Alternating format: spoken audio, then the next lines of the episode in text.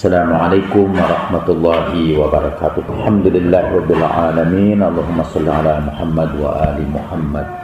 Judul kitab yang kita bahas ialah In kunta syi'iyan fahadhihi risalatu risalatul Imam Ja'far bin Muhammad As-Sadiq salamullahi alaihi ila syi'atihi fil alam. Diterbitkan oleh Abdul Azim Al-Muhtadi Al-Bahrani, orang Bahrain. Dikeluarkan oleh Jam'iyah Ahlul Bait. Jam'iyah kalau di sini organisasi Ahlul Bait fi Mamlakatil Bahrain. Dia mulai pengantarnya ada kata-kata mutiara sebelum masuk ke dalam buku itu. Kata mutiara yang pertama dari Imam Ja'far As-Sadiq sallallahu alaihi Innama ashabi man ishtadda wara'u wa amila li khaliqihi wa raja thawaba haula'i ashabi. Ini dalam kitab Wasail Syiah juz 11 halaman 143. Sesungguhnya sahabat-sahabatku kata Imam Ja'far adalah yang sangat soleh. Kata soleh itu dalam bahasa Arabnya disebut wara. Wara itu berhati-hati menjaga diri, menjaga kesucian hati, menjaga supaya tidak jatuh kepada kemaksiatan. Itu adalah al-wara. Manistada wara'u yang waraknya itu kesolehannya itu sangat ekstrim. Kita sebetulnya nggak apa-apa jadi orang ekstrim tapi orang ekstrim di dalam wara. Wa amila li dan dia beramal ikhlas semata-mata kepada Sang Pencipta, mengharapkan pahalanya. Haula'i ashabi dan itulah sahabat-sahabatku. Jadi siapa saja yang mengklaim sahabat Imam Ja'far, dia ditandai dengan istadda wara'u. Yang waraknya itu, kesolehannya itu sangat ekstrim sangat keras. Kata mutiaranya untuk buku itu kemudian ada doa. Dahulu itu saya baca doa ini juga diriwayatkan dalam kitab Ahlus Sunnah. Dimaksudkan untuk petunjuk bagi kita supaya kita tidak tersesat. Imam Al-Ghazali misalnya memasukkan dalam ihya'nya doa ini kalau kita berjalan di malam hari atau berada di satu tempat yang masih baru, khawatir kita tersesat di kota itu khawatir kita tersesat di jalan-jalan di kota itu, bacalah doa ini. Penulis ini kayaknya mencantumkan itu supaya kita tidak sesat bukan saja di jalan-jalan raya tetapi juga di jalan-jalan kehidupan. Lebih khusus lagi seperti kata Imam Ali, aku lebih mengenal jalan-jalan di langit ketimbang jalan-jalan di bumi. Tapi lebih khusus lagi supaya kita tidak tersesat dalam jalan-jalan kehidupan. Kalau kita bisa menangkap doa ini dengan cepat, alhamdulillah. Allahumma inni a'udzubika an adilla au udalla wa azilla au uzalla wa azlima au uzlama wa ajhila au yujhala alayya taqaddasat asma'uk jalla kana'uk wa la ilaha ghairuk ya Allah aku berlindung kepadamu dari menyesatkan orang atau disesatkan orang Aku berlindung dari tergelincir diri atau digelincirkan orang. Aku berlindung dari berbuat zalim atau dizalimi orang. Aku berlindung daripada berbuat bodoh atau dibodohi orang. Dibodohi itu artinya dikelabui atau ditipu. Maha suci namamu, maha tinggi pujianmu, dan tidak ada Tuhan selainmu. Doa ini sekaligus juga menyimpulkan permohonan kita agar kita tidak termasuk kelompok yang sesat atau kelompok yang disesatkan oleh orang lain. Karena setiap hari dalam perjalanan kehidupan kita ada para perampok di jalan Tuhan. Mereka itu tiba-tiba menghadang di pinggir jalan. Satu hari kata Nabi Shallallahu Alaihi Wasallam menggambar itu di tanah ada satu garis lurus, kemudian garis itu dipotong-potong di tengahnya itu. Jadi tampaknya Rasulullah ngajar secara visual juga itu. Cuma tidak pakai papan tulis yang beliau gunakan tanah itu. Jadi buatlah garis di tanah itu, garis-garisnya dipotong-potong. Kata Rasulullah Shallallahu Alaihi Wasallam, pada setiap jalan silang itu ada setan yang siap merampok kamu, membelokkan kamu dari jalan lurus. Para pemotong jalan dan biasa itu dinisbahkan kepada perampok di jalanan. Orang Inggris menyebutnya highwayman Karena itu kita berlindung, ya Allah aku berlindung kepadamu dari menyesatkan orang lain atau disesatkan oleh orang lain. Dulu ada murid Imam Hasan al Askari yang kemudian dilaknat oleh beliau. Setelah itu dia mengaku sebagai imam berikutnya. Jadi ada banyak perampok di jalan menuju Allah Subhanahu wa taala itu. Kita juga berlindung jangan berbuat zalim dan jangan dizalimi. Mudah-mudahan kita juga tidak ditipu daripada berbuat bodoh atau dibodohi orang lain. Wa ijhila au yujhala alayya. Allahumma inni a'udzubika an adilla au udalla wa azilla au uzalla wa azlima au uzlama wa ajhila au yujhala alayya taqaddasat asma'uk jalla tana'uk wa la ilaha ghairuk setelah ini kata pengantarnya dia mulai dalam kata pengantarnya tentang kewajiban kita untuk bersyukur kepada anugerah Allah Subhanahu wa taala. Orang yang tidak bersyukur akan anugerah Allah itu kan disebut kufur.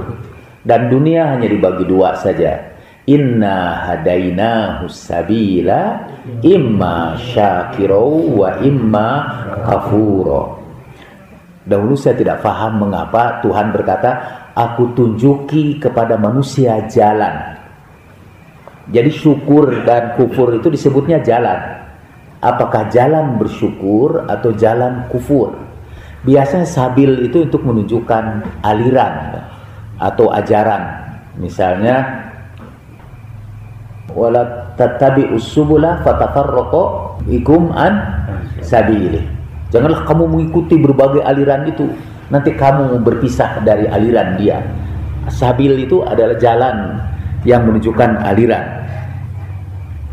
Kenapa bersyukur itu dan kufur itu menjadi sebuah aliran, aliran pemikiran atau ajaran. Ternyata penulis ini mengingatkan saya bahwa anugerah atau nikmat Allah yang paling besar ialah ketika ia menyempurnakan nikmatnya dengan menunjukkan atau dengan mengangkat Imam Ali sebagai walinya dalam peristiwa yang kita kenal sebagai peristiwa Ghadir Hum. Pada waktu itulah turun ayat Al-yauma akmaltu lakum dinakum wa atmamtu alaikum ni'mati wa raditu lakumul islama dina. Pada hari ini aku sempurnakan agama kamu dan aku lengkapkan nikmat kamu. Aku sempurnakan nikmat kamu itu. Wa atmamtu alaikum ni'mati sehingga hari itu disebut hari itmamul nikmah, hari penyempurnaan nikmat. Jadi nikmat Allah yang paling besar ialah menganugerahkan kepada kita kecintaan kepada waliul amr, kepada atau berwilayah kepada Imam Ali. Karena itu Tuhan menyebut orang yang bersyukur atas nikmat itu sebagai sebuah aliran dan orang yang kufur terhadap nikmat ini juga sebagai aliran yang lain yang tidak mau menerima wilayah Imam Ali. Wah ini sangat singkat pengajian. Yang menerima wilayah Imam Ali itu itu yang bersyukur. Karena itu kemudian Allah bercerita tentang kelompok yang bersyukur itu. Setelah itu ayatnya kan, Innal abroro yashrabuna min ka'sin kana mizajuha kafura yashrabu biha ibadullahi yufajjiruna tafjira ila akhiril ayat dan ini turun untuk Sayyidah Fatimah untuk Imam Ali untuk Ahlul Bait. Itu kalau ada Thomas Carlyle ya itu penulis yang sangat memuji-muji Rasulullah Shallallahu Alaihi Wasallam luar biasa Dahulu Bung Karno itu memperkenalkan saya kepada Thomas Carlyle dalam pidato ini. Dulu pidato Bung Karno itu pidato kenegaraannya bermutu itu. Hmm. Bayangkan saya anak SMP dan mengagumi pidato Bung Karno itu dan dia mengutip tulisan Thomas Carlyle. Saya bisa ulang-ulangi itu dalam Helden and Helden for Earring Sebetulnya itu terjemahan Belanda dari buku bahasa Inggris Heroes and Heroes Worship. Thomas Carlyle cerita kedatangan Muhammad kena seperti datangnya sebuah amunisi yang jatuh di padang Syahara. Kemudian setiap butir-butir Sahara meledak dan merah rona angkasa dari Delhi ke Granada. Terjemahan Bung Karno, dahsyat terjemahannya juga. Sampai saya sampai apal sekarang ini sudah lebih dari sekian puluh tahun ya. Bahasa masih apal itu terjemahannya itu merah rona angkasa dari Delhi ke Granada. Carlyle yang memuji-muji Nabi luar biasa itu mengatakan Al-Quran itu sangat tidak sistematis. Tidak nyambung katanya bagian yang satu dengan bagian yang lain. Saya juga berpikir seperti itu. Seperti Thomas Carlyle. Ini kok tidak nyambung. Awalnya bercerita tentang Inna hadainahu sabila imma syakira wa imma kafur aku tunjuki mereka jalan mau bersyukur atau mau kufur inna hadainahu sabila imma syakira wa imma kafura. Inna a'tadna lil kafirina salasila wa aghlala wa sa'ira. Cerita orang kafir bakal dibelenggu dan dimasukkan ke neraka sa'ir. Innal abrara yashrabuna min ka'sin kana mizajuha kafur. Kemudian cerita tentang orang-orang baik yang dimasukkan ke surga karena mereka itu memenuhi janji yufuna bin nadri wa yakhafuna yawman kana syarruhu mustatira wa yut'imuna ta'ama ala hubbihi miskinan wa yatiman wa asira. Innama nut'imukum liwajhillah la nuridu minkum jazaa'an wa la syukura. Dan diceritakanlah tentang keluarga Imam Ali. Apa hubungannya itu? Buat Thomas Carlyle itu tidak ada hubungannya. Buat saya juga dulu tidak tahu hubungannya Ternyata dalam penjelasan penulis buku ini yang menghubungkannya dengan syukuran terhadap nikmat Allah Subhanahu wa taala yang disebutkan dalam Al-Qur'an, "Al-yauma akmaltu lakum dinakum wa atmamtu alaikum ni'mati wa raditu lakumul Islam madina." Dan disepakati baik oleh sebagian ulama ahlu sunnah maupun semua pengikut ahlul bait bahwa ayat ini adalah ayat yang terakhir turun kepada Nabi Shallallahu Alaihi Wasallam. Dalam ulumul Quran memang terjadi perdebatan mana yang disebut ayat yang terakhir ini. Tapi yang disepakati bagi sebagian dan sebagian di kelompok ini ialah al yauma akmaltu lakum dinakum. Jadi salah satu syukur kita yang harus kita panjatkan kepada Allah Subhanahu wa taala ialah kita bisa menemukan wilayah kepada Imam Ali. Tilka hiya ni'mah al-wilayah nikmatul wafa lin nabi sallallahu alaihi wa alihi wasallam fil wasiyati bi ahli baitihi alaihi salatu wassalam. Itu pengantar secara umum. Nah kemudian ada pengantar yang mengharukannya ini. Dia cerita ya mungkin rupanya kebiasaan di Bahrain itu. Kalau ada orang mau menerbitkan buku dia datang kepada orang-orang kaya. Jadi di Bahrain atau di negeri-negeri Ahlul Bait, buku-buku tentang ajaran Ahlul Bait itu bisa diperoleh secara gratis dibagi-bagikan. Karena ada orang kaya yang membiayai itu. Dan sana itu dibagi-bagikan gratis. Dia ini punya kenalan penulis buku ini An-Najar tukang batu tapi mungkin pemborong lah. Pemborong bangunan kontraktor kali tukang bangunan pengusaha properti supaya lebih keren daripada tukang batu. Seorang mukmin yang soleh, kunuan, khaluqan, khaduman, wa muwalian li ahli bait alaihissalam wa mutawadian amama kalimatil haqqi wa ahli.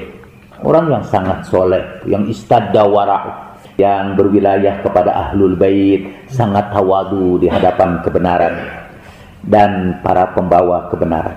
Aku ingat sebelum wafatnya kira-kira dua bulan, Aku pergi ke rumahnya pada waktu sholat fajar untuk membangunkannya. Dan aku selalu menemukan dia dalam keadaan duduk, melakukan sholat dan bertasbih atau berzikir kepada Allah sambil menunggu suara adzan. Kata dia nih, dan itu pamannya sekaligus juga walidu zaujati mertua ya. Kemudian dia berkata kepada pamannya, Semoga Allah menyayangi ya Ammi Al-Aziz, wahai pamanku yang tercinta. Saya sampai kepada tulisan ini dan saya teringat sekarang bahwa saya menulis ini sebelum meninggalnya engkau bisyahrin wa ayyamin dalam satu bulan dan beberapa hari dan engkau waktu itu bertanya kepadaku di rumahmu di kum al-muqaddasah Mada turidu anda tatba'a fi hadal 'am thawaban lil amwat?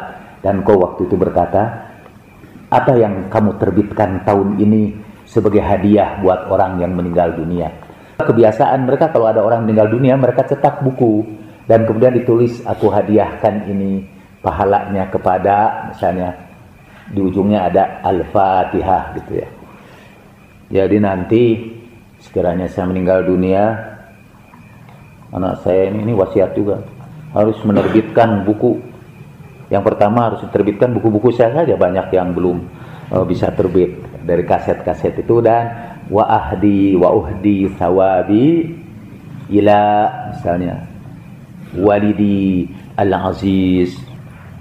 Apa yang kamu mau terbitkan kata pada tahun ini yang kamu cetak sebagai sawab buat orang yang sudah meninggal dunia ada sebuah kitab padaku namanya Al-Maqas lalu dia berkata kepadaku innahu maradul majalis itu buku itu penyakitnya majelis-majelis Buku itu bagus untuk menyembuhkan penyakit orang-orang yang suka bercerita di depan orang banyak. Yakusuna finnas bi alsinatihim wala yatawarraun. Jadi yang suka memberikan nasihat di hadapan orang banyak tapi dirinya tidak soleh. Kemudian kau bertanya kepadaku rahimakallah, berapa ribu kamu mau cetak dan berapa biayanya? Seakan-akan engkau mau ikut ambil bagian secara finansial sebagaimana aku mengambil bagian sebelum pencetakan kitab yang lainnya. Lalu aku berkata, berapa katanya ya kamu cetak dan berapa biayanya? Lalu aku berkata, seukuran dengan kebaikan seseorang akan keluar kebaikan yang sama. Jadi kalau kita berbuat baik akan keluar kebaikan yang sama. Kebaikannya sedikit, yang keluarnya juga sedikit lagi katanya.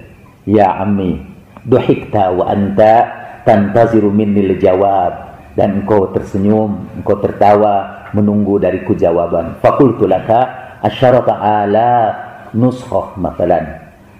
Sekitar 10 ribu naskah. Jadi kitab ini cetak 10 ribu naskah dan untuk ukuran Bahrain itu kira-kira kita memerlukan 1000 dinar. Kamu teruskan saja untuk mengobati orang-orang yang kena penyakit masyarakat itu. Kemudian fakulta dan kau berkata kepadaku, "Imdi fi ilajika li amradil mujtama' wa ahli khair la yuqassiruna insyaallah." Kamu teruskan aja itu mau menerbitkan itu obat buat orang-orang yang kena penyakit masyarakat itu. Dan orang-orang suka berbuat baik itu insya Allah tidak akan berkurang.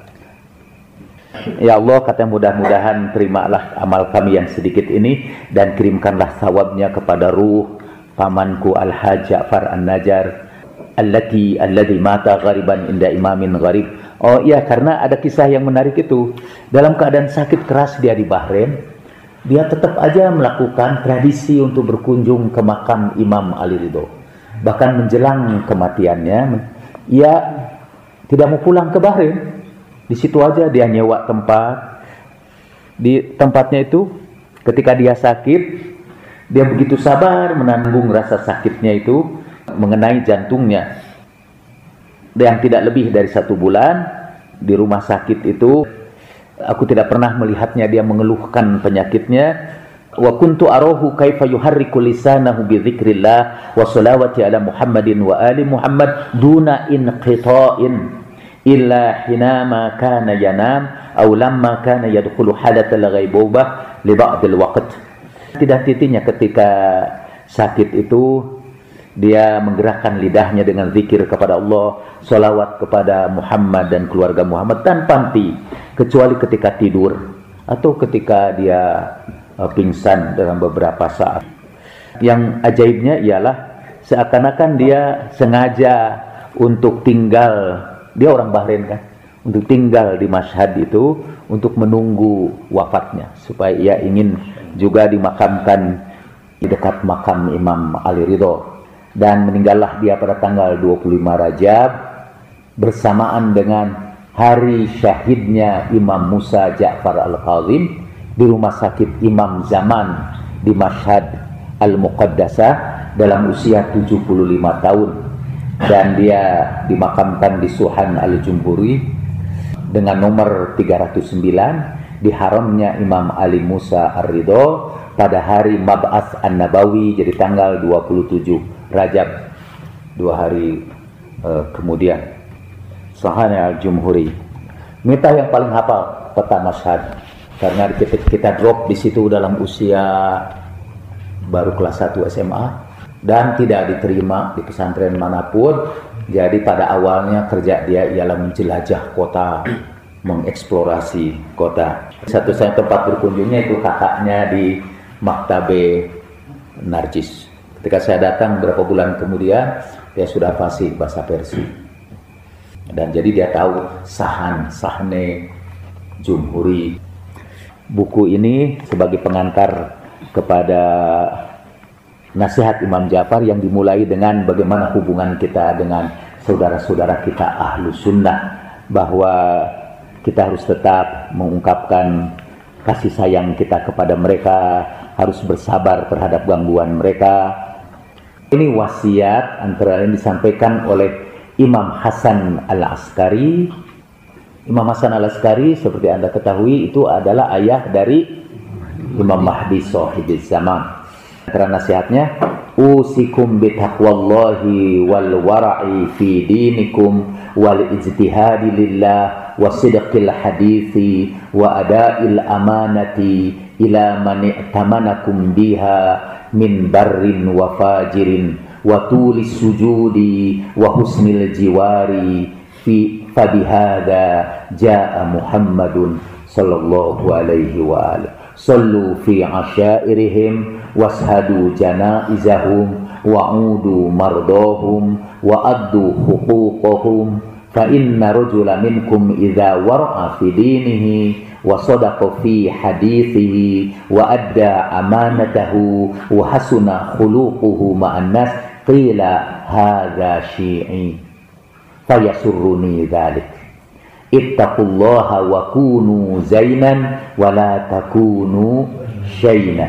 جروا إلينا كل مودة وارفعوا أنا كل قبيح فإنه ما قيل فينا من حسن فنحن أهله وما قيل فينا من سوء فما نحن كذلك. إلى آخره. Aku wasiatkan kalian bertakwa kepada Allah dan menjaga kesalehan agamamu. Dan bersungguh-sungguhlah dalam beragama. Dan hendaklah pembicaraan kamu benar. Penuhilah amanah kepada orang yang memberikan amanat kepadamu. Baik yang memberikan amanat itu orang baik maupun orang jahat. Dan panjangkanlah sujud kamu dan hendaklah kamu bertetangga dengan baik dengan siapa pun. Karena itulah yang diajarkan Muhammad sallallahu alaihi wa alihi wasallam. Kita lihat ya kalau Ahlul Bait menyebut apa yang diajarkan Nabi sallallahu alaihi wa alihi biasanya yang diutamakan ialah amal-amal sosial. Walaupun di sini disebut waqulis sujud dan panjangnya sujud kamu dan baiknya bertetangga. Yang lain-lainnya itu sidqil hadis, ada il amanah, itu semua urusan-urusan sosial. Sallu fi asyairihim. Hendaklah kamu sholat di tempat jamaah sholat mereka. Saksikan jenazah mereka, antarkan jenazah mereka, kunjungi orang yang sakit di antara mereka, penuhi hak-hak mereka karena kalau orang di antara kamu itu, kalau dia sangat soleh dalam agamanya, sangat jujur dalam bicaranya, sangat setia dalam memenuhi amanatnya, sangat baik dalam akhlaknya, nanti orang berkata, ketika orang tanya siapa dia itu, Syi'i, katanya dia ini orang Syiah. Fayasuruni dzalik dan aku akan bahagia mendengarnya itu. Jadi kalau kita ingin membahagiakan para imam, penuhilah nasihat ini. Jadilah kalian penghias bagi kami, janganlah kalian mendatangkan celaan bagi kami. Tariklah kecintaan semua orang kepada kami, dan tolaklah dari kami segala keburukan.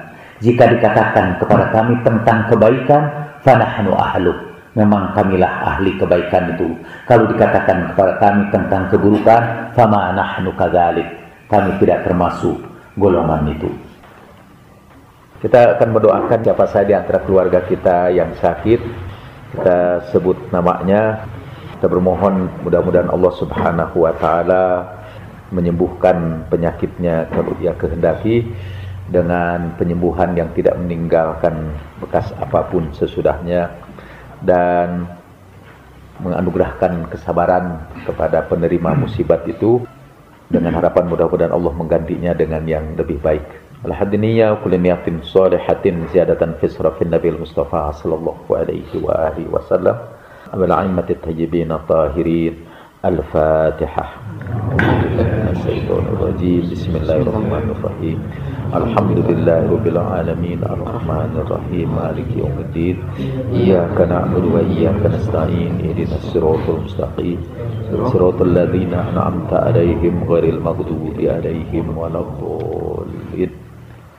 A'udzu billahi samil 'alim minasy syaithanir rajim إن الله وملائكته يصلون على النبي يا أيها الذين آمنوا صلوا عليه وسلموا تسليما. اللهم صل على محمد وآل محمد.